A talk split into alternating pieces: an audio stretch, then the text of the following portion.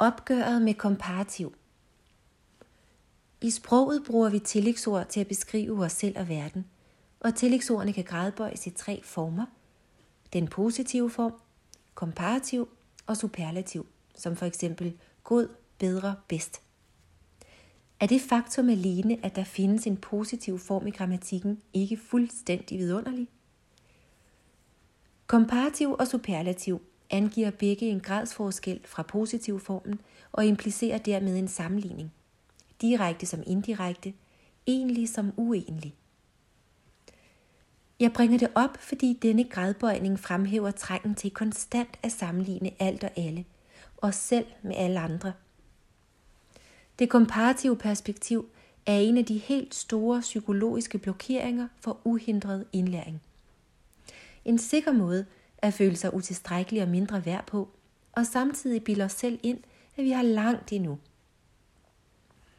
I virkeligheden forholder det sig sådan, at vi aldrig når frem. Sådan i et perfektionistisk mål, vi kan sætte flueben ved. Det er slet ikke meningen.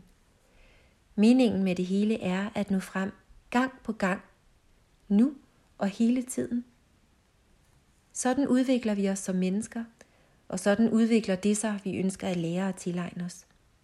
Fra dette sted giver det mening, at der ikke er noget sted, vi skal være, ikke noget niveau, vi skal være nået. Vi er hele tiden lige der, hvor vi skal være, i evig bevægelse, i evig udfoldelse. Dit rene udgangspunkt er positivt, ligesom tillægsordets rene opslagsform. Og der er så smukt, lige indtil vi får trængt til at sammenligne og vurdere, crash, så gik det i stykker. Når vi formår at være nærværende i kortere eller længere tid, kan vi gå indad og mærke og bevidne den sprudlende glæde ved det, vi tilegner os igen og igen. Dette sted kalder jeg vores indre læringsrum. I dette rum er det, du kan, altid nok. Her er du altid nok. Det er et rum, hvorfra du gang på gang kan hente tillid og støtte. Når du vælger at lære fra dit indre læringsrum, vil du opleve at have adgang til helt andre ressourcer, muligheder og løsninger. Og her vil du opleve, at glæde og en følelse af lethed er den positive bivirkning ved, at du prioriterer din passion og følger dine drømme. Og at de er uadskillige størrelser, der kun vokser med dit fokus i takt med din indlæring. Denne måde at være på med sig selv og sin indlæring er dybt personlig i sin rene positive form. Og denne kontakt knækker, så snart den sammenlignes med andres positive former.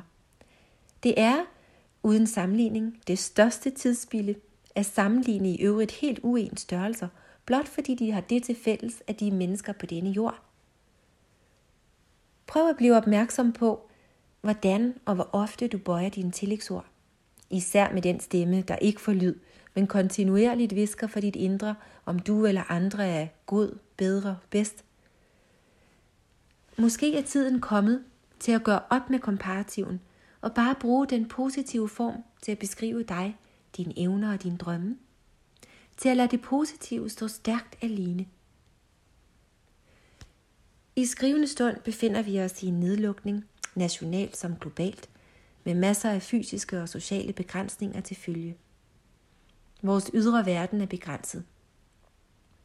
Men det behøver vores indre verden ikke være. Husk det. Begynd at vikle dig fri af dine egne mentale frihedsbegrænsninger.